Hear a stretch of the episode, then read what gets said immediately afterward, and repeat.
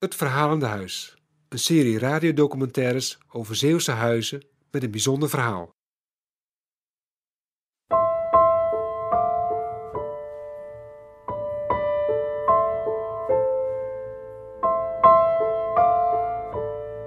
Het Verhalende Huis.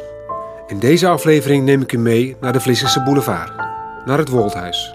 Een statig pand, gebouwd in de jaren 30 van de vorige eeuw. Wie was de opdrachtgever? Wie was de architect? Waarom werd het op zo'n unieke plaats gebouwd? Wie zijn haar bewoners geweest? Hoe heeft het de Tweede Wereldoorlog overleefd? Het wordt zelfs met sloop bedreigd. Maar dan neemt het verhaal een heel andere wending.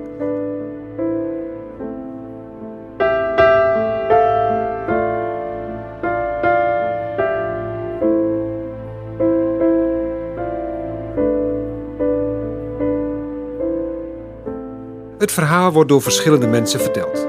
In willekeurige volgorde zijn dat de amateurhistoricus en oud-huisarts van Vlissingen, Ad van Dijk, de gemeentearchivaris Adrie Meerman, Marian van den Bos in de rol van reddende engel en Trusje Spuiman, het schoolvriendinnetje van Helentje van Woelderen. Maar er is ook het gastenboek met het verhaal van verschillende Woldhuisbezoekers. Het verhaal begint bij de opdrachtgever van het Woldhuis, Karel Albert van Woelderen, wordt op 12 juli 1877 geboren aan de Dokkade in Vlissingen. In zijn jeugd verhuist hij nog enkele malen naar Soeburg en Middelburg. Zijn vader is de eerste directeur van de Stoomvaartmaatschappij Zeeland en medeoprichter van de Vlissingse Zeevaartschool. Karel volgt een militaire opleiding, evenals zijn vader. Door een val van zijn paard loopt hij een kniebreuk op. Van Woelderen geeft niet op en begint op 29-jarige leeftijd aan de studie rechten in Utrecht. Gemeentearchivaris van Vlissingen, Adrie Meerman. Nou, Woelderen kennen natuurlijk ook een heleboel mensen. Zeker vanuit zijn GS3-periode, de geheime dienst uh, van 1914, kwam hij in aanraking met uh, Frans van, van Zand. Uh, die was toen hoofd van de Rotterdamse rivierpolitie. Is later hoofdcommissaris van de politie in Utrecht geworden en daarna van Den Haag. Van Zand, die kende Rozenburg. Van Sant die, uh, liet een prachtige villa bouwen in het Westbroekpark in Den Haag. Villa Windekind. Uh, Villa Windekind is trouwens tijdens de oorlog een hele bedenkelijke rol gespeeld. Van die villa gebeuren ook dingen uh, die beugel niet. Goed. Waarschijnlijk hebben zich daar martelingen plaats, hebben daar plaatsgevonden. Ja, dat heb ik wel eens gelezen, ja. Dat klopt. Dus heeft niet zo'n goede naam. Maar uh, van Woelderen, de familie van Woelderen, die kwam daar regelmatig over de vloer. En een prachtig pand. Uh, maar niet zo ver daarbij, daar, uh, in het Westbroekpark, stond ook een uh, villa Wulf ten Palte. En die was ook door Rozenburg gebouwd. En als je die villa bekijkt en die vergelijkt met het huidige Woldhuis, dan is het echt kenmerken, kenmerkende overeenkomsten. Engelse villa, de ronde vormen van het, van het, van het gebouw en een andere typische karaktertrekken. Dat klopt. Dat klopt. Nou, dat was het voor Verwoelderen die natuurlijk het geld had geërfd uh, uh, van zijn schoonvader. En hij met zijn wens om dus een prachtige villa op de boulevard neer te zetten, natuurlijk niet zo moeilijk om die link te leggen. En heeft Rozenburg dus gevraagd om uh, ongeveer in gelijke vormen dat Wolthuis daar neer te zetten. De locatie, het eindpunt van zijn droom was ook, of het beginpunt van de boulevard, is van welke kant je de boulevard opkomt, uh, was een unieke locatie die hij dus speciaal had uitgezocht van daar zal het gebouwd moeten worden als ik toestemming krijg van de gemeenteraad. Ja, hij beschouwde het in feite, het is wel eens genoemd, de sluitsteen van de boulevard. Ja, daar is alles mee gezegd. Het moet allemaal nog uitgewerkt worden toch uh, schetst het uh, een heleboel over de persoon van Van Woerderen, de familie van Van Woerderen, de contacten die Van Woerderen had. Want ook dat is van belang als voor deze uh, belangrijke burgemeester. Hij zegt het zelf in de proclamatie al. Sinds 1897 wordt de tweede burgemeester na mij pas gekozen. Dat wil al heel wat zeggen. Um, over invloed gesproken in zijn burgemeesterschap. Uh, dan valt al gelijk het woord netwerk en de nieuwe sociëteit in Den Haag de nieuwe literaire sociëteit De Witte in Den Haag. De Hofstad, dat was een, uh, ja, een exclusieve lokaliteit waar uh, belangrijke mensen uit de wetenschap, uh, de politiek, het bedrijfsleven, noem het maar op, ook de militairen, die ontmoeten elkaar. En ja, zoals het vaak gaat, er, werd, er werden gewoon netwerken opgebouwd. dat dateert eigenlijk vanaf zijn jeugdjaren. 1903 was hij daar al lid van. Dus ver voordat hij maar betrokken was bij GS3. Maar hij was toen wel al militair. En al behoorlijk op, op hoog niveau. Dan neemt hij dat allemaal mee als hij in 1919 benoemd wordt door koningin Wilhelmina in Vlissingen met een oranje hart naar een rode stad, maar dat zullen we er buiten laten. Wat treft hij voor een stad dan? Wat voor een stad is zijn geboortestad? Op het moment dat hij burgemeester uh, werd, uh, dus in 1919, uh, eh, was het echt een stad in ontwikkeling. Het aantal inwoners was ongeveer 22.500, zo'n beetje. Men kende geen woningnood in die periode. Waar men wel een beetje last van had dat vanwege een aantal industrieën wat aanwezig was, de Koninklijke Maatschappij de Schelde enzovoort, dat er veel forensen in Vlissingen werkzaam waren. Die forensen woonden elders in Walcheren. Dus op die manier probeerde hij wel die mensen hier huisvesting te bieden. Dus op die manier probeerde hij toch wel Vlissingen uit te gaan breiden uitbreidingsplannen dateren al vanaf 1907. Hè. Voordat hij burgemeester was, was het al begonnen. Want uh, Vlissing werd in die tijd in, in, in drie delen gesplitst, zou je kunnen zeggen. En hij ging daarmee verder. Ja, hij ging daarmee verder. Um, hij zag natuurlijk ook wel dat uh, Vlissingen uh, mogelijkheden had. ik bedoel, de, de, geografische ligging aan de monding van de Westerschelde, de havens die we hadden sinds 1875. En ehm, toeristische mogelijkheden. Vlissingen badplaats, die, die ongeveer sinds 1872 een beetje, zeg maar, ging lijken op een, op een of een Blankenberg, hè, wel illustere voorgangers. Maar dat wilde hij allemaal uit gaan bouwen. Hij noemde dat die, die triasgedachte. die drie belangrijke elementen van, van haven, industrie en, en badplaats, toerismeontwikkeling. En ja, dat heeft hij voortvarend gedaan. Dat kan niet anders gezegd worden. Amateurhistoricus en oud-huisarts Ad van Dijk bezit een panoramatekening van Vlissingen uit het laatste kwart van de 19e eeuw. Ja, nou, nog, dit is, gaat, is nog iets vroeger terug.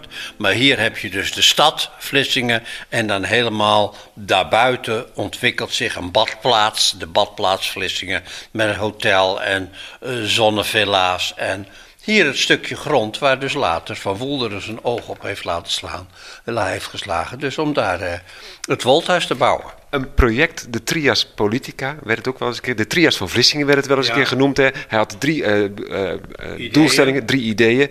En een van die ideeën was om dus van Vlissingen een aantrekkelijke badplaats te maken. Ja. Maar ook de, de Schelde speelde daar een rol in en de stedenbouwkundige ontwikkeling. Ja, en ook vergeet niet de buitenhaven. Die grote soft geworden is, vinden we nu maar dat is ook een van zijn initiatieven. Hij heeft dus de, de regering toen zo gek gekregen om de buitenhaven te laten graven. Waar gewoon geen functie voor is. Een poosje is het dus met de Olo-lijn is het dus uh, aanlegplaats geworden. Maar nou ligt het er gewoon maar bij. En dat is een van zijn initiatieven. Dus hij schoot ook wel eens mis. Van Dijk heeft lange tijd contact gehad met het enige kind uit het huwelijk van Van Woelderen, dochter Helene. Aan haar vertelde hij al heel vroeg over de contacten met het Koninklijk Huis. Nou, hij zou een rol gespeeld hebben bij de demonstratie op het Malieveld. Dat heeft hij aan Helene verteld toen ze een klein meisje was. En ze vond dat zo'n mooi verhaal dat vader van Woelder dat keer op keer aan haar moest vertellen.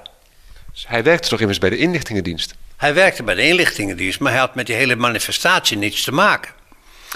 Dus, maar dat verhaal was zo mooi en dat is bij Helene blijven hangen als de waarheid. En waarschijnlijk is dat niet zo. Een geromantiseerde waarheid. Veel geromantiseerd. Waarschijnlijk is die demonstratie op Malenveld door iemand anders opgezet. Maar hij is wel toeschouwer geweest. Maar niet meer dan dat. Maar hij heeft dus tegenover zijn dochter daar toch een soort helderrol gespeeld. En als de dochter dan zegt, zegt papi vertel het verhaal nog eens een keer van Malieveld. Dan wordt dat verhaal alsmaar mooier. Ik heb namelijk meneer Vasseur opgebeld. Kees Vasseur, de biograaf van Wilhelmina. Ik zeg, waar ben jij Van Woelderen tegengekomen? Die was je helemaal niet tegengekomen. Van Woelderen komt in de hele memoires van Wilhelmina en het Koninklijk Huisarchief niet voor. Dus hij, in Vlissingen etaleerde hij zich als een vertrouweling van Wilhelmina. Maar daar blijkt van de kant van Vasseur helemaal geen enkele grond voor te zijn. Meerman gaat nog wat uitvoeriger in over de rol van de literaire sociëteit De Witte. Welke mensen ontmoeten Van Woelderen daar in het begin van de 20e eeuw? Uit de politiek, eh, uit het bedrijfsleven, uit het eh, militaire leven enzovoort. Dus dat was gewoon een netwerk dat men daar opbouwde. Men had elkaar nodig en ja, je mag het niet zeggen. Tegenwoordig heb je contacten. tegenwoordig heet het netwerk, maar toen heette dat gewoon ja, goede contacten. Rozenburg was overigens geen lid van die club, van de Witte. Maar Plesman wel. Maar Plesman is jeugdvriend, of althans die is in dezelfde buurt opgegroeid als Rozenburg. Dus Plesman en Rozenburg hebben ook allemaal contact met Die, die, kennen elkaar. Kennen elkaar. Nou, het is niet voor niks dat in 1919 heeft Rozenburg voor Plesman uh, die tentoonstellingshal uh, gemaakt van, van de ELTA, eerst de Nederlandse luchtvaart tentoonstelling. Oh, dat zou kunnen. Ja, oh ja. En uh, nou, daarna in contact op zaken, in zakelijke sfeer natuurlijk zijn gegroeid. Ik bedoel, hij heeft overal zijn, luchtvaartgebouwen neergezet. uitmondend in het hoofdkantoor van de KLM in Den Haag, wat nu het ministerie is van Verkeer en Waterstaat. Hè?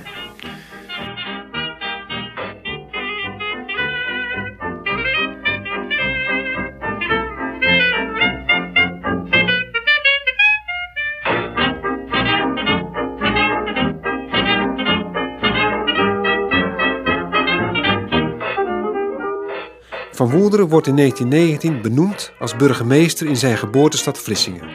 Is het een sollicitatie geweest of iets anders? Gemeentesecretaris Meerman. Heel moeilijk te zeggen. Uh, wat, wat zeker is dat hij eh, gesolliciteerd heeft naar de functie van burgemeester. Um, duidelijk is ook dat uh, hij niet bij de laatste selectie uh, aanwezig was.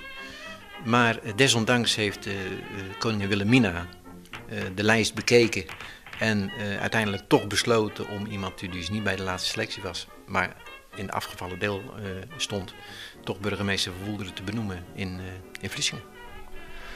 Dat, dat heeft hij graag willen doen. Op dat moment was hij nog niet getrouwd, want hij is lang ongetrouwd gebleven. Hè? Hij heeft ook een tijd met zijn moeder in de eerste jaren van zijn burgemeesterschap uh, samengewoond. Ja, hij woonde samen met zijn moeder op de, de Dokkade. Uh, tegenover het uh, stadhuis, wat toen aan de Houtkade was gevestigd. En tot zijn trouwen in 1926 woonde hij dus daar op die dokkade. Hij is later ook nog wel eventjes, kort na zijn huwelijk, in Huis ter Schelde heeft hij gewoond op de boulevard Evertse, voordat het Volthuis werd gebouwd. Zijn vrouw was een, een, een, een familielid van een bekende familie hier op Walcheren. Ja, haar vader was een uh, hele belangrijke Middelburgse bankier. Van Woelderen trekt de eerste zeven jaren van zijn burgemeestersambt in bij zijn moeder in het huis aan de Dokkershaven. De Vlissingers noemen haar het zwarte burgemeestersvrouwtje, omdat ze sinds het overlijden van haar man in het zwart gekleed is. Van Woelderen gaat voortvarend van start. Meerman vertelt hoe Vlissingen er in 1919 voor stond de aanleg van het Nollebos, dat, dat, uh, ja, dat was voor hem heel belangrijk. Dat uh, gebeurde natuurlijk ontzettend veel uh, werkgelegenheidsprojecten. wat heel vaak gebeurde in die periode, in de 20, 30 jaren. Um, de pier zelf, ja, er is ooit wel eens een keertje verhaal geweest dat hij het gefinancierd heeft, maar dat bleek dus niet zo te zijn.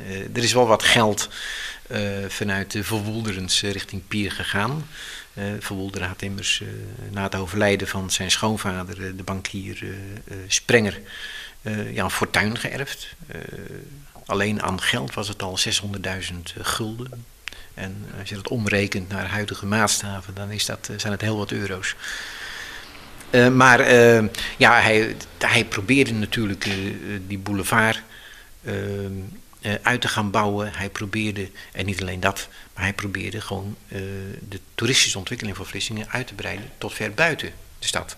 Hij, wilde niet stoppen bij de aanleg van het Nollebos. Hij wilde tot aan uh, de Vijgeten, tot Valkenisse, zeg maar, uh, het Nollebos uitbreiden met dierentuinen, met uh, wandelparken, noem het maar op. En ook onderdeel daarvan is het rijwildpad Walcheren. Zeg maar, het fietspad langs de duinen van Vlissingen, wat eigenlijk nu nog bestaat. Helaas is die pier natuurlijk een kort leven beschoren, hè, want uiteindelijk is hij dus vernield. Klopt, de pier is in 1936 aangelegd. Eh, hij kreeg toen al een beetje een, een, een, wat, wat loesje naam. Uh, men ging daar beter niet naartoe, want er gebeurden wat dingen die eigenlijk niet door de beugel konden.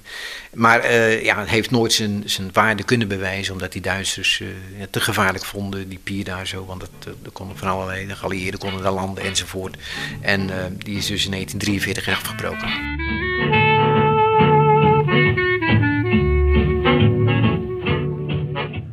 Amateurhistoricus Van Dijk vertelt hoe Van Woelderen op het idee is gekomen om het Wolthuis te bouwen. Het is zijn vroegere vriend van de sociëteit, door Van Dijk abusieflijk Sandberg genoemd. Sandberg, en die was alleen maar commissaris van politie, liet me daar een schitterende villa bouwen. Villa Windekind. Precies. En iedereen met argusogen naar waar haalt hij dat geld vandaan als een armzalige commissaris van politie, dus die beschikte over fondsen. Hij bouwt dus een huis, een heel representatief huis, in de duinen, op een leeg stuk grond. U begrijpt dat dat in zo'n vriendenkring op een soos wel de nodige opschrift werd. Dus toen de oude springer doodging en daar plotseling een vermogen achter vandaan kwam. Begin jaren 30? Ja, een vermogen. Toen dacht hij, nou, hij had een goed voorbeeld. Ik doe ook zoiets in Vlissingen. Uh, werkverschaffing, het was crisistijd.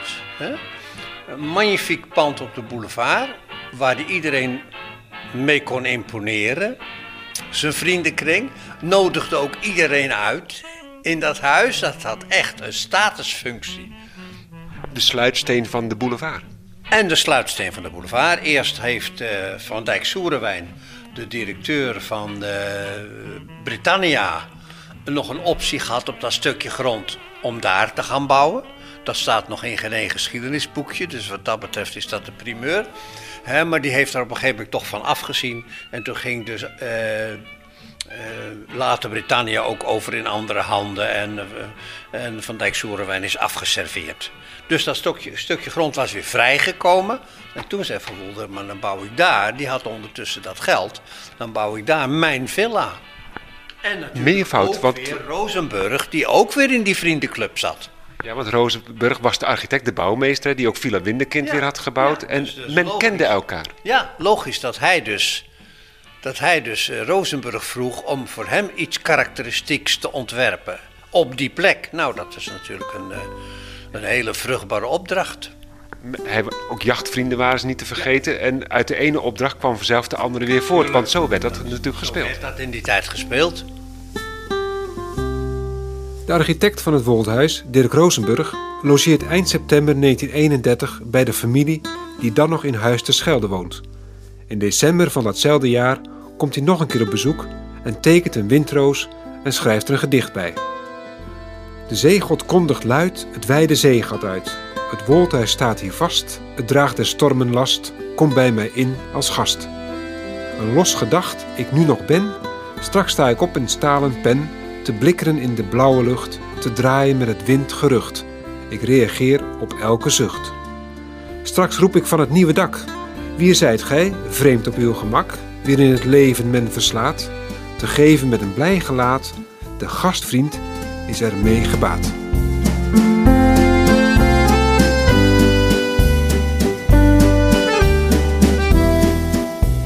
Van Dijk vertelt over het karakter van Van Woelderen, de man die Vlissingen op de kaart probeert te zetten. En, en, en Van Woelderen die had natuurlijk toch het hoog zitten. Vooral ten opzichte van zijn vrienden in Den Haag, denk ik. Ik zeg dat die grandeur, die, uh, ja. Want het was mooi, hij, ging, hij heeft een jacht gehad hier buiten, bij het Fort Lincoln had hij een jachtterrein ook. En dan ging hij met puipen ging hij jagen. Pupen, Pijpen. was een... Wie was Pijpen? Een, boer. Een boer, een jager. Een jagersman, zeg maar. En die ging dus met verwoelderen jagen. Maar hij had zijn jachtterrein had hij ingedeeld. In de kaart van Europa. Dus dat was Italië, dat was de straat van Gibraltar, dat was Nollebos, dus met die vijvers. Dat was Egypte enzovoort. En dan zei hij de Pijpen, ik geloof wel vandaag maar eens een keer in Spanje gaan jagen. Nou, dan wist wisten Puipen precies waar ze moesten zijn, dus daar gingen ze daar naartoe. En er werd daar gejaagd, dus hij had zijn jachtterrein in de landen van Europa verdeeld. tekent een beetje de man, hè? Tekent de man wel, ja.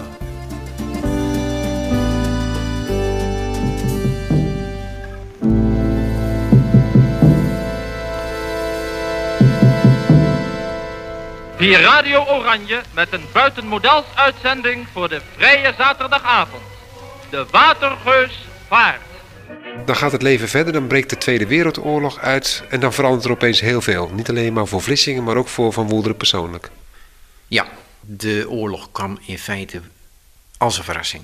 Uh, iedereen had toch gehoopt, niet echt verwacht, maar eigenlijk toch wel gehoopt dat we weer neutraal zouden blijven. Nou is het dus niet gebeurd. 10 mei, uh, we kennen de verhalen allemaal, uh, bommenwerpers die overkwamen, de oorlog was begonnen. En ja, de burgemeester van Vlissingen, Van Woelderen, ja, die was dus burgemeester van een Duitse stad geworden. Totdat de Duitsers vonden dus dat het niet meer ging en ze hem dus ontsloegen en een, een, nieuwe burgemeester benoemden. Ja, hoe dat precies uh, in elkaar zit, dat is niet helemaal duidelijk. wat wel duidelijk is, dat hij in 1941 gevraagd was om ehm, bevelhebber te worden van de Ordedienst Zeeland, gewestelijk bevelhebber. Ehm, hij zal wel verraden zijn. Hij is dat geworden op basis van zijn oude GS3-verleden uh, natuurlijk, van zijn, geheime dienst. Um, of die echt hele kwalijke dingen voor die Duitsers heeft gedaan, dat, dat is gewoon niet duidelijk. Maar uh, ze hebben het gewoon niet vertrouwd en ze hebben hem gevangen genomen in april 1943 en is dus afgevoerd naar de strafgevangenis in Scheveningen, wat bekend staat als het Oranje Hotel. En daar gezeten kan hij weer oude bekenden tegen uit zijn Haagse club. Ja, onder andere Dirk Rosenburg. Die, hij heeft daar zo tot december heeft hij gevangen gezeten. En Rosenburg had al wat ervaring opgedaan, omdat Albert Plesman, de periode daarvoor al in detentie gezeten had. En Rosenburg was ook iemand die, ja, zijn netwerken waren bekend. En dat netwerk strekte zich ook uit naar de directie van die Duitse gevangenis. En uh, hij kreeg het toen ook voor elkaar om uh, tuinarchitect te worden. En vanuit die positie uh, de mogelijkheid te krijgen om dus met zijn jeugdvriend Albert Plesman, die daar gevangen zat, wat woordjes te wisselen, te praten enzovoort. En dus toen Van Woelderen daar gevangen werd gezet, Plesman was inmiddels al vrijgelaten, ehm, heeft het zichzelf herhaald. Van, of, uh, Verwoelderen die, die zat in een niet zo denderende cel. En uh, heeft voor elkaar gekregen om een keurige cel te geven. bovendien werd hij ingedeeld in zijn tuinploeg. ondanks zijn gevorderde leeftijd. En dat was allemaal goed voor hem. Dus er werd, heeft veel kunnen doen. En op basis daarvan heeft hij behoorlijk veel kunnen vertellen over het welzijn van Verwoelder. Maar hij kon Verwoelder ook vertellen over het welzijn van zijn familie hier in Vlissingen. Dus dat, dat, dat, ging eigenlijk heel goed. Uiteindelijk is hij dus vrijgekomen. Maar er is voor betaald. Ja, dat is bijna zeker dat, dat er voor betaald is. Hoe dat precies, in, hoe dat precies is gebeurd is, is gewoon niet bekend. Maar het is duidelijk dat er een stevig bedrag is betaald. Waar ging hij heen toen hij vrijgelaten werd? Hij dook gelijk onder in uh, Noord-Beveland. En pas in, uh, in november 44 is hij weer opgedoken en uh, kwam toen in zijn gehavende Vlissingen terug. Terug in zijn geboortestad, terug als burgemeester, maar niet voor lang. Nee, in, hij, hij trof hier dus een, heel zijn droom. Ja, was eigenlijk in puin gegooid. door die, die jaren van oorlog en bombardementen en al, al wat iets meer zei. En ehm, ja, hij nam dus gelijk ontslag in, in, per 1 juli 1945 en is uh, kort daarna naar Wassenaar verhuisd. Dus tegen zijn pensioen aan lag zijn hele droom in duigen. Hij kon er niet meer voortzetten, hoewel hij heel graag wilde. Maar hij zag dus dat het een verloren strijd was en hij stopte. Ja, dat klopt. Daar komt het feit erop neer.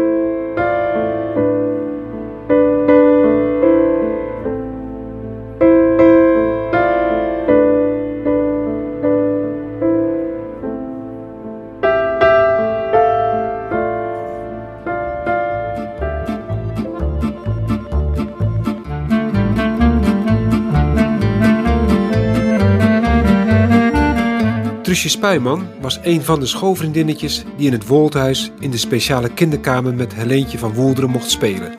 Zij haalt wat herinneringen op. Was je nou het enige vriendinnetje van Helentje of had Helentje nog andere vriendinnetjes die ze thuis mocht ontvangen? Ja hoor, er waren er nog wel een paar, maar niet zoveel. Een stuk of drie, vier denk ik, die daar geregeld dan bij haar mochten komen. Hoe ging dat? Het was natuurlijk een speciaal huis, hè, wat uh, pas gebouwd was aan de boulevard, het Woldhuis. Uh, werd je opgehaald of werd je afgezet of mocht je er naartoe lopen naar het huis? Nou, mijn moeder was wel gek om me er overal naartoe te brengen, dus ik moest alles zelf uitvinden. En ze stuurde me gewoon. Je mag bij Helentje gaan spelen, dus ga daar maar heen en ik zie wel weer wanneer je thuis komt. Gebeurde meestal na schooltijd of op woensdagmiddag misschien ja, of op zaterdag, zoals het uitkwam. Um, uh, ontving uh, mevrouw van Woelderen u of was, nee. het, was het juffie? Er waren altijd dienstbodes aanwezig en die lieten je dan binnen en die brachten je dan naar de speelkamer van Helentje en daar was Juffie aanwezig. En nou ja, dan was je daar en dan ging je spelen. En dan ging je spelen, maar voordat we over dat spelen iets verder gaan vertellen, uh, het huis zelf. Um, toen je er voor het eerst, kun je je nog herinneren hoe het huis er toen uitzag? Want het bestond nog maar een paar jaar, het was net gebouwd. Ja, ik vond het een prachtig huis. Je kwam een, een, een trap op bij de voordeur. Daar ging je dan naar binnen en dan kwam je in de mens. Grote gang tenminste voor mijn idee, want ik was nog maar een klein meisje.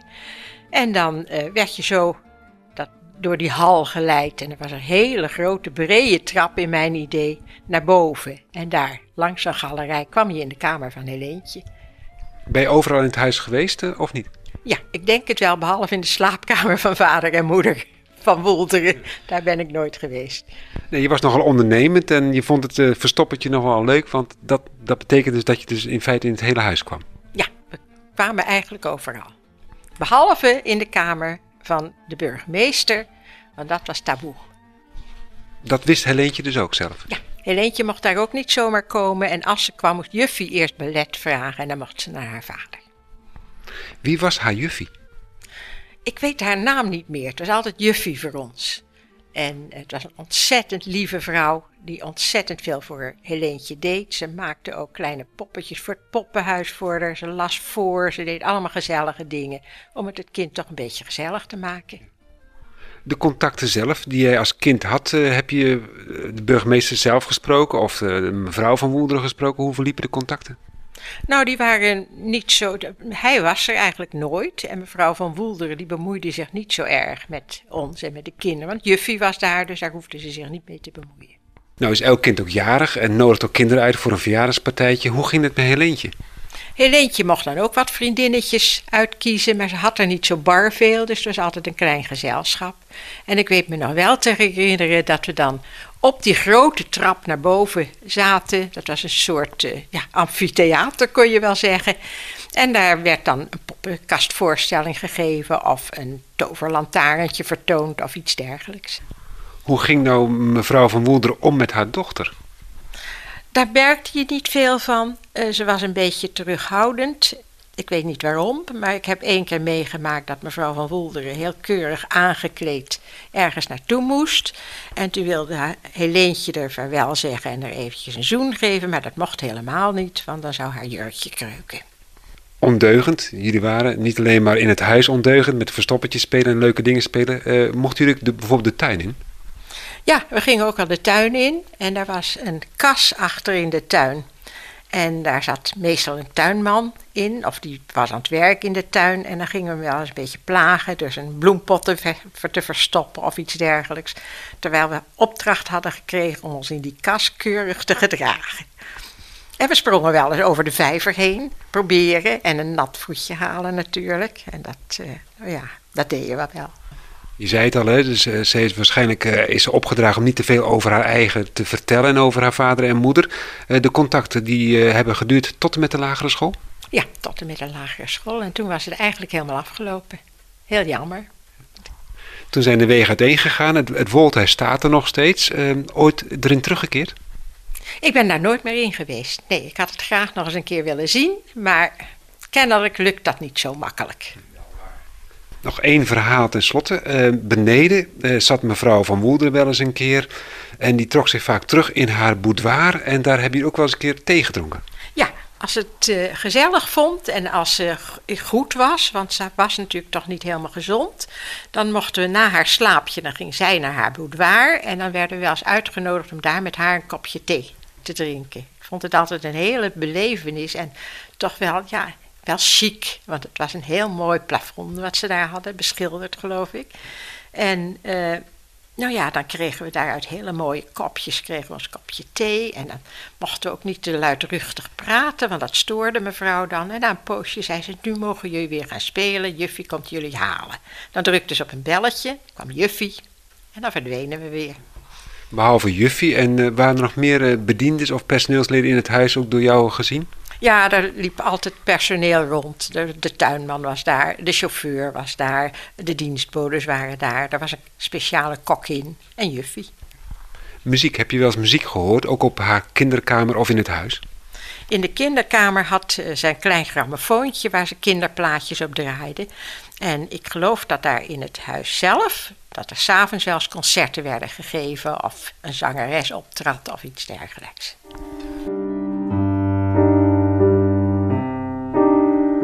Tegen de tijd, dan blijkt misschien wat van nabij niet was te zien.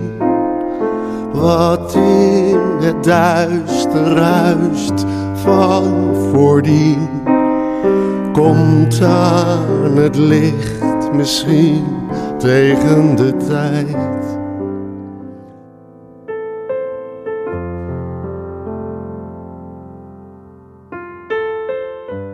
Het verhaal van het Wolthuis is nog niet ten einde. In 1947 krijgt het Wolthuis een tijdelijke bestemming als gastenhuis voor de Koninklijke Maatschappij de Schelde. De eerste bewoner na de oorlog was Arie Smit, directeur van de Schelde. Het huis krijgt dan ook een bedrijfsleider in de persoon van Piet Verbeek. Hij krijgt de opdracht om van het Wolthuis een hotel-restaurant te maken. In juni 1947 is het Wolthuis omgebouwd en telt het negen slaapkamers. Er wordt een extra doucheruimte ingebouwd en de twee personeelskamers in de kelder worden omgebouwd tot gastenkamers. In de tuin wordt een riant verhoogd zonneterras aangelegd met een ingang vanaf boulevard Evertse. In de keuken komt een scheepsfornuis te staan. Het restaurant krijgt een capaciteit van 35 personen en kan tot 60 personen worden uitgebreid. Verbeek zelf gaat in Waailust wonen. De Scheldeclub was een club mensen waarvan de leiding van de Schelde automatisch lid was. Ook notabelen uit Middelburg en Vlissingen waren lid. Een soort voorloper van de Rotary-clubs. Bij elke tewaterlating van een nieuw schip werd een groot diner klaargemaakt voor de opdrachtgevers. In oktober 1952 wordt het laatste grote passagiersschip, de Kungsholm, door de Zweedse prinses Sibylla gedoopt. Zij overnacht in het Woldhuis. Op 1 februari 1953 wordt Zeeland geteisterd door de watersnoodramp. Boulevard Evertse wordt ernstig beschadigd, maar het Woldhuis blijft behouden. De voorspelling uit het gastenboek van Dirk Rosenburg komt weer uit. Dit rotspaleis doorstaat alle stormen. Maar voor mevrouw van Woelderen betekent dit het einde als haar woonhuis. De weduwe woont dan al geruime tijd in Wassenaar en dochter Helene studeert inmiddels in Amsterdam. Ze verkoopt het Woldhuis aan scheepswerf de Schelde. Ook de panden Waailust en de Zandloper worden aan de Schelde verkocht. De Schelde heeft grote plannen met de gebouwen, maar voert ze door financiële moeilijkheden niet uit. Een jaar later verkoopt Scheepswerf de drie panden voor 65.000 gulden aan de Kruiningse dierarts de Groof. De familie blijft er tot 1974 wonen, langer dan de familie van Woelderen, die er met onderbrekingen slechts 13 jaar in heeft gewoond. Het Wolthuis wordt voor 400.000 gulden verkocht aan de familie Lemstra, die het in 1993 verkoopt voor 1 miljoen gulden aan de Zoetermeerse projectontwikkelaar Hopman. Deze projectontwikkelaar wil er torenflats opbouwen. Vlissingen wil het pand wel behouden, maar heeft er de financiële middelen niet voor. Inmiddels komen steeds meer mensen binnen en buiten de provincie in opstand om het Wolthuis te behouden. In maart 1994 plaatst de projectontwikkelaar een advertentie in de woongids en biedt het Wolthuis te huur aan. Hannie Pot uit Vlissingen is de gelukkige en huurt voor 2000 gulden per maand het pand. Het Wolthuis biedt weer de mogelijkheid om nu, voor geld, kamers met ontbijt te huren. Ook verkoopt ze tweedehands antiek. Het is deze advertentie die Marian van den Bos leest als ze in een Middelburg koffiehuis zit. Zolang zich geen andere koper meldt, zal het Woldhuis gesloopt worden. Marian van den Bos is architecte en stedenbouwkundige. Haar droom is om het Woldhuis van de sloop te redden. Samen met anderen zoekt ze mogelijkheden om het huis te behouden. Dus dat betekent dus voor 2000 gulden eh, was het te huur en het moest op een fatsoenlijke manier bewoond worden. Ja, dat staat in de advertentie. Het moest ja, netjes bewoond worden en uh, je moest het ook wel een beetje onderhouden. En uh, je mocht er geen rare dingen doen in het pand. Dat was geloof ik ook de eis. Toch krabbelde jij bij de advertentie, want die heb ik hier voor me liggen. Had je nog aantekeningen gekrabbeld over hoe jij het Woeldhuis de toekomst ervan zag? Want het was al een soort uh, wens van je. Nou, ik had heel snel inderdaad een aantal uh, dingen erbij gezet. Dat ik wilde het in ieder geval heel snel wilde ik het bezichtigen. Dat uh, vond ik erg belangrijk. Uh, daarnaast wilde ik toch ook uh, kijken wat de gemeente aan subsidies zou hebben. En daarvoor over had om het eventueel op te knappen op den duur. Want dat is natuurlijk erg belangrijk. Het gaat niet alleen om het mooie, het gaat ook om de centen. Er was wel vanuit de gemeente een uh, actie, uh, actiebereidheid om in ieder geval geen sloopvergunning af te geven aan de projectontwikkelaar. Omdat er natuurlijk wel, toch wel wat uh, gemorreld werd en niet iedereen het ermee eens was. Dus wat dat betreft was er ook wel een soort speling in tijd, denk ik. Je had een partij, toch waren de schetstekeningen al klaar voor die projectontwikkelaar. Hè? Drie enorme torenflats zouden ze op die driehoek, de bekende driehoek van de boulevard, dus uh, gaan verrijzen. Zover kwam het niet, want uh, jij werd slagvaardig en ging mensen om je heen verzamelen. Ik ben toen, aan, naar aanleiding van die advertentie eigenlijk, zijn we eerst gaan kijken in het pand. Omdat we zelf toch wel geïnteresseerd waren om het wellicht te, te huren. Het was wel moeilijk, want als je ver weg woont in dat pand te huren. Maar wellicht waren er meer geïnteresseerd waarmee je dat uh, kon delen. Op 17 maart stapte je dan met je fototoestel het huis, het pand binnen. Ja, ik uh, had mijn fotocelletje mee. Mijn man was er ook bij. En ik heb gezegd: als jij nou die makelaar aan de praat houdt, dan ga ik gewoon uh, foto's maken, ook als het niet mag. Maar ik heb wel keurig aan de makelaar gevraagd dat ik het toch wel erg prettig zou vinden. Nou, daar is dus een boekje met foto's uh, uit voortgekomen. En daar ben ik zo'n beetje als uh, soort Jehovah-getuige mee uh, naar politici gegaan, naar anderen. Maar ook naar lezingen. En zo kom ik op het volgende. Dus ook was een keer een lezing door Helene van Woelderen toen nog, de dochter van de oude van Woelderen. En dat was georganiseerd door, ik zag het Zeeuws Genootschap. Want zij had net een boek uitgebracht en het heet Woelwater. En in dat boek schrijft ze haar leven, ook het leven van haar vader. En ook komt het Woelthuis aan de orde. Toch een soort bijbel was het, hè? Het hele rolletje waarschijnlijk volgeschoten van 36 opnames? Ja, volgens mij wel. Ik heb ze nooit geteld, maar ze staan in één boekje. En nou, in ieder geval, dat was een, een soort handreiking. Dat, ik, dat vond ik het belangrijkste om te laten zien. Want het pand was aan de buitenkant natuurlijk nou, niet echt toegankelijk. Het was een beetje een soort burg. De eerste verdieping ligt natuurlijk ook duidelijk uh, hoger, boven, ver boven het maaiveld. Halve verdieping. Dus je kon er ook niet van buitenaf gemakkelijk naar binnen kijken. En ik vond het erg belangrijk om aan mensen te laten zien dat de binnenkant dus heel waardevol was. Heel mooie betimmeringen. Nou ja, dat, je komt zelden tegen dat een pand zo prachtig uh, betimmerd is. Maar ja, de manier waarop ook uh, de ruimtes in elkaar overvloeien was heel bijzonder. En wat ik ook even erbij moet zetten, als kind uh, ben ik, toen ik een jaar of twaalf was, geloof ik, ben ik ook in het pand geweest. Want Wilhelmine Groof woonde er toen. En die zat met mijn zus samen op de MMS. En mijn zus ging daar een keer naartoe om een boek te halen. En toen mocht ik mee. En daar had ik zo bij me, in mijn hoofd vastzitten dat het een hele grote hal was. En dat je vanuit die hal een trap had naar boven. En dat was heel ongewoon, want meestal heb je trappen altijd in gangen. Maar dit was echt in een grote hal. En dat was eigenlijk ook een soort woonhal. En dat, dat is me altijd bijgebleven. Tegen de tijd, als tijd verstrijkt. En de schaduw van het verleden wijkt als de onderste steen niet de onderste blijkt, misschien dat tegen die tijd. je, je, je gaf het al aan, hè? Dus, uh, er zou een boek komen, maar het was er nog helemaal niet. Dat moest nog geschreven worden en daarvoor voerden jullie de redactieraad van aan. En jullie hebben elke keer mensen bereid gevonden om thema's te schrijven en te verzamelen. Ja, um, dat klopt. Ja, je gaat over het pand uh, praten. Ja, en voordat je het weet, dan uh, komt er heel veel materiaal uh, op je pad. En steeds dat mensen weer met iets nieuws uh, komen. Je duikt in zo'n geschiedenis van zo'n pand. Hetzelfde wat jij nu ook aan het doen bent. En elke keer hoor je weer een naam. Dan hoor je ineens van: hé, hey, uh, prinses Sibylla van Zweden heeft er een keer gelogeerd. Ten tijde van de Schelde. Hé, hey, het is een periode geweest dat de Schelde er was.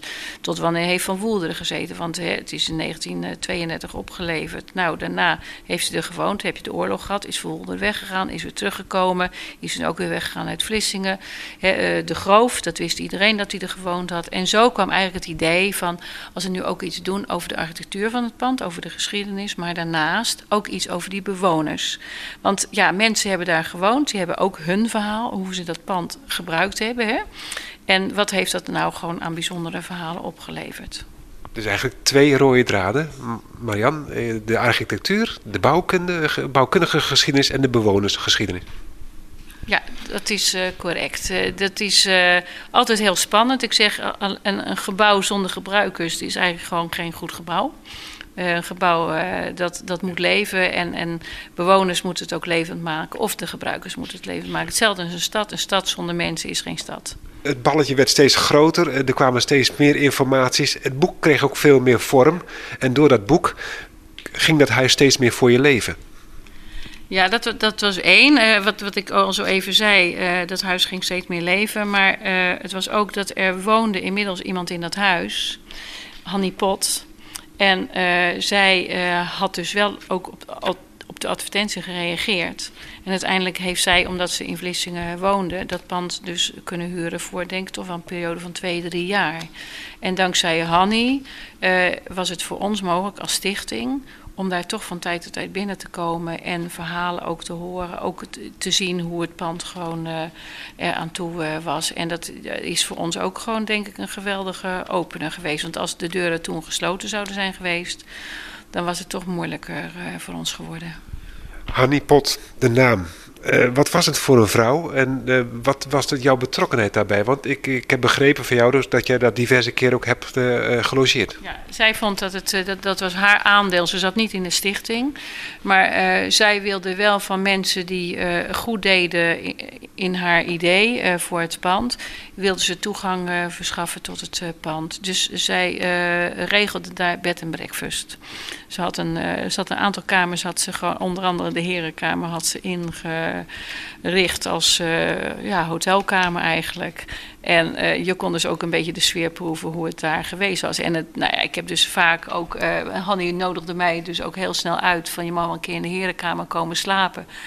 En dan heb ik toen in mijn eentje gepit in de herenkamer. Ik heb niet geslapen. Ik heb uh, gewoon mijn bedje voor het raam uh, neergezet. En ik heb de halve nacht opgezeten en naar zo richting, uh, ja, eigenlijk de boulevard gekeken. Met name de Nollendijk. Hè? En, en al die schepen voorbij zien komen. Want ik was zo, ja, eigenlijk getriggerd. En ik denk, nou, dit is gewoon te gek. Want ik heb als meisje natuurlijk heel vaak ook daar op die Nollendijk en omgeving rondgebanjerd.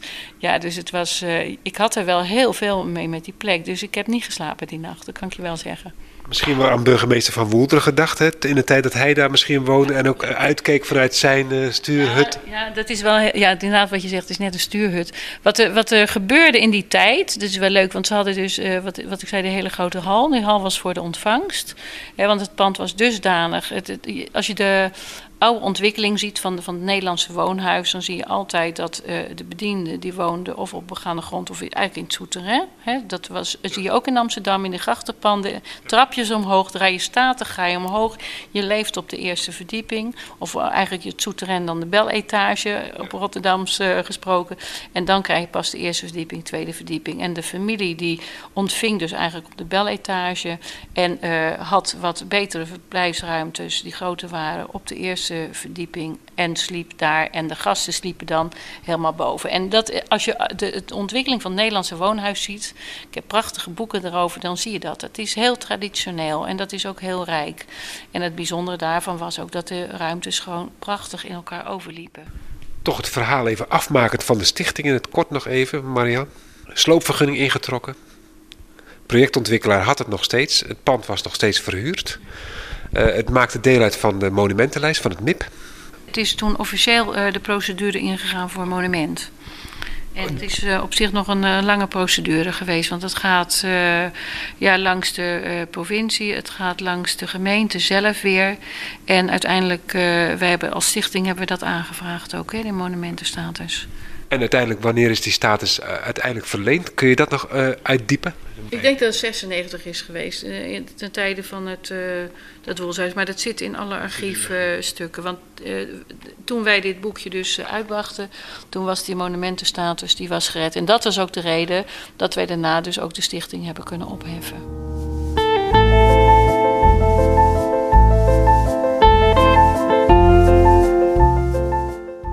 Toch was er nog een feest. Hè? Zaterdag 12 en zaterdag 19 april 1997. Een van de laatste activiteiten. Want je wilde ook nog iets terugdoen aan al diegenen die zich hebben ingezet voor het Woldhuis.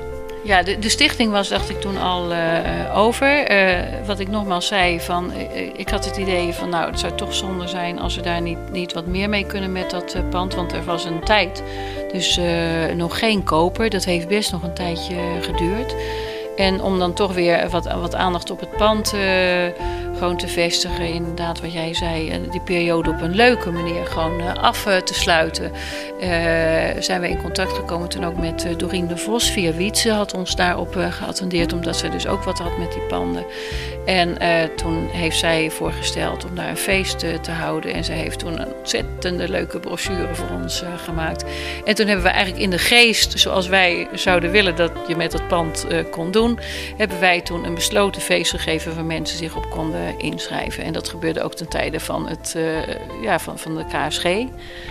Prachtig, de organisatie Marian van den Bos en Even de Jong in samenwerking met Peter van Hout en Pim Romein. En de catering, ook leuk, Hanny van Doornik Pot, de bewoonster, de huurster van het pand. Uh, ik heb het hier voor me liggen, uh, de Woeldhuis Special. Ik wil je vragen een stukje nog even voor te lezen.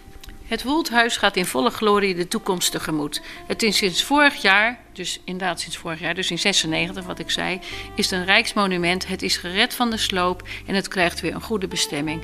De restauratie zal op afzienbare termijn aanvangen, zodat het Woeldhuis weer een oude luister als woonhuis de kop van een van de mooiste boulevards ter wereld zal markeren en sieren. Nou, dat is gewoon verlissingstrots, zeg ik dan altijd maar. Velen hebben in de afgelopen periode in woord en daad laten blijken het Woeldhuis een warm hart toe te dragen. Aan de achterzijde van deze uitnodiging staat de lijst van genodigden. Zij vormen daarbinnen een liste d'honneur, een kleurrijk en divers gezelschap en ook een groot gezelschap. Wij hebben dus met z'n allen wat te vieren. De afsluiting van de periode van zorgen en strijd om het Woeldhuis en de nieuwe start willen wij markeren met misschien wel een unieke gebeurtenis, de Woeldhuis Special. Een middag en avond in het Woondhuis, voor de gelukkigen zelfs een nacht. Marianne van den Bos, achterom kijkend, eh, een hele avontuur geweest, een puzzeltocht geweest. Eh, op tafel, maar ook wel met de auto, met de fiets of met telefoon en met uh, briefcontacten. Is het allemaal waard geweest? Ja, absoluut. Het is, vind ik altijd nog een ontzettend leuke periode geweest. En het is natuurlijk helemaal leuk als het ook tot uiteindelijk goed resultaat leidt op het juiste moment heb je mij al zo even verteld, dus paste alles precies in elkaar. Ook de mensen die je nog wilde spreken, kon je toen nog spreken, want inmiddels tien jaar, elf jaar later zijn ze niet meer. Nee, dat is wel opvallend. Waar natuurlijk, als je, je praat over de dertiger jaren, dus die mensen die daarmee bezig uh, waren, hè, toch uh, half negentig, uh, die waren toen in het begin al een jaar of twintig. dus nou, dat was bijzonder. Dat zijn nog allemaal, dus waren mensen in de 70, 80. En dat die mensen op dat moment nog allemaal leefden. En uh, ja, ik denk nu dat we uh, gewoon veel uh, niet meer op deze aardse wereld verblijven. Of ze hebben het gehoord van hun respectievelijke ouders of broers of zussen. Ja, maar ik denk dat wij hebben toch wel de, de mensen te pakken gekregen. Ja, dus meneer Piet Verbeek, ja, vanuit de Scheldetijd uh, Willemien de Groof, die is nog niet zo oud. Maar verder natuurlijk uh, Helene Verwoelderen, de zusjes Rosenburg. Dat zijn toch wel uh, de bijzondere contacten geweest van mensen die toen ook vanaf begin af aan dat pand hebben gekend. Bijzonder is, is dat het een, een pand is geweest wat maar door relatief weinig mensen bewoond is geweest, maar door veel meer mensen bezocht. Ja, het is, het is natuurlijk wel ontworpen ook als een huis waar je representatieve ontvangsten kan hebben. Het, moest, het, het was officieel geen burgemeesterswoning, omdat het was geen bezit van de gemeente Vlissingen. Maar de burgemeester heeft er wel zijn eigen woning van gemaakt. Dus, en waar hij zijn functie gewoon heel goed uh, kon uitoefenen. Zeker in die tijd hè, waar je over praat.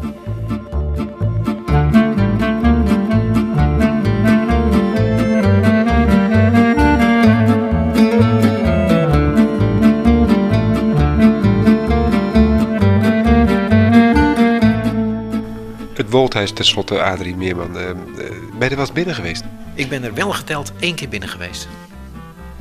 Ik hoor dat zo vaak van mensen die er uh, graag binnen zouden willen, of uh, maar hooguit één of twee keer. Waaraan ligt dat?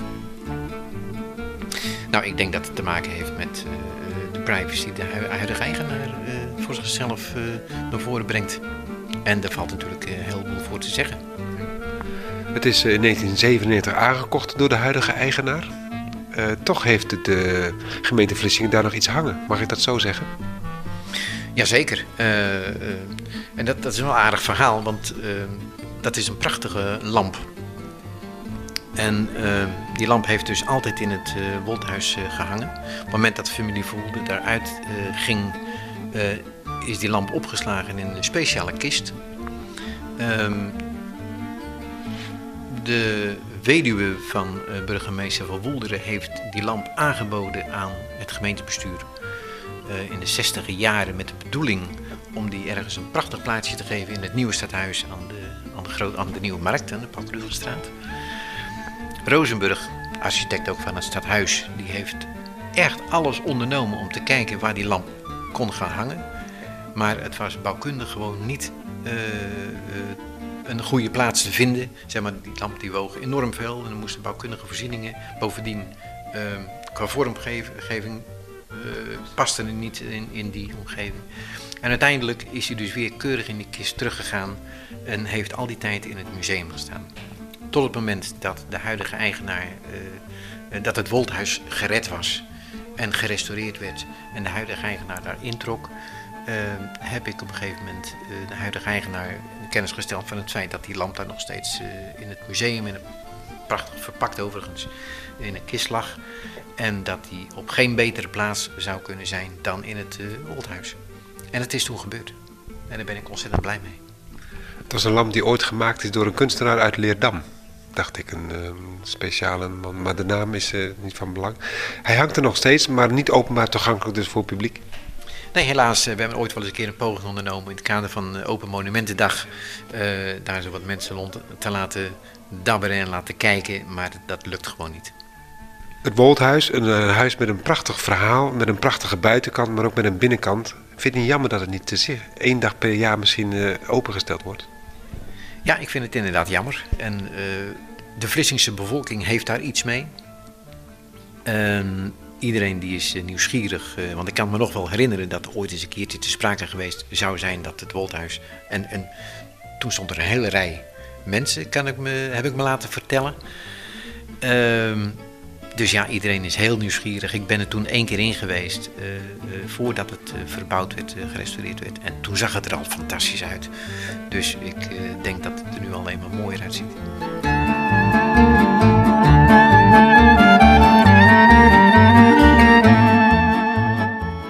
Het Woldhuis is uiteindelijk gered van de sloop, maar heeft niet de functie gekregen die de stichting Woldhuis Vlissingen eraan had willen geven.